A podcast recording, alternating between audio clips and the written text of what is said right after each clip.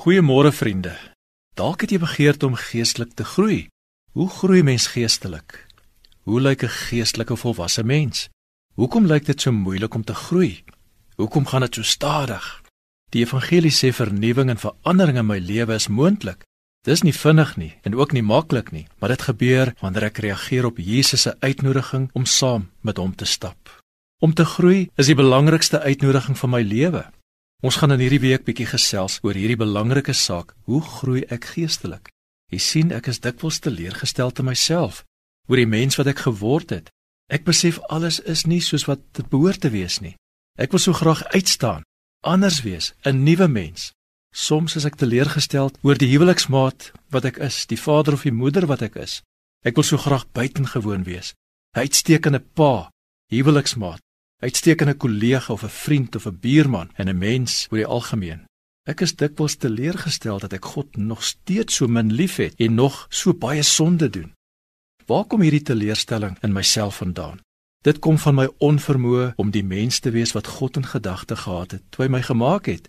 Ek het anders uitgedraai as wat God verwag het. Ek het hom verwyder van die sentrale plek in my lewe en myself aangestel in sy plek.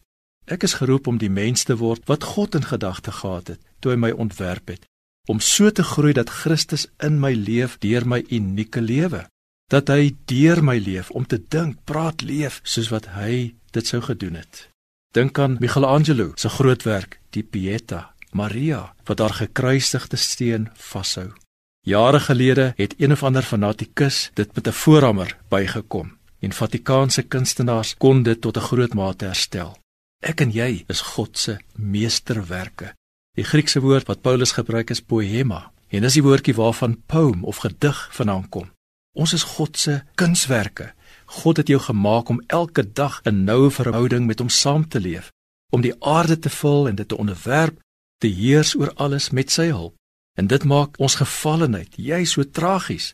En daarom loop my teleurstelling in myself so diep Maar God is vasbeslote om daai beskadiging, daai ontsiering van sy beeld in my te herstel.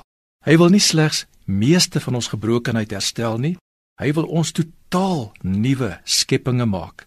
En dit is waarom Jesus gekom het. Dis waaroor my geestelike reis gaan, to become God's everlasting splendor, soos wat C.S. Lewis sê. Volgende keer gaan ons gesels oor hoe God ons roep om by die doringbos te kom staan. Geniet jou dag.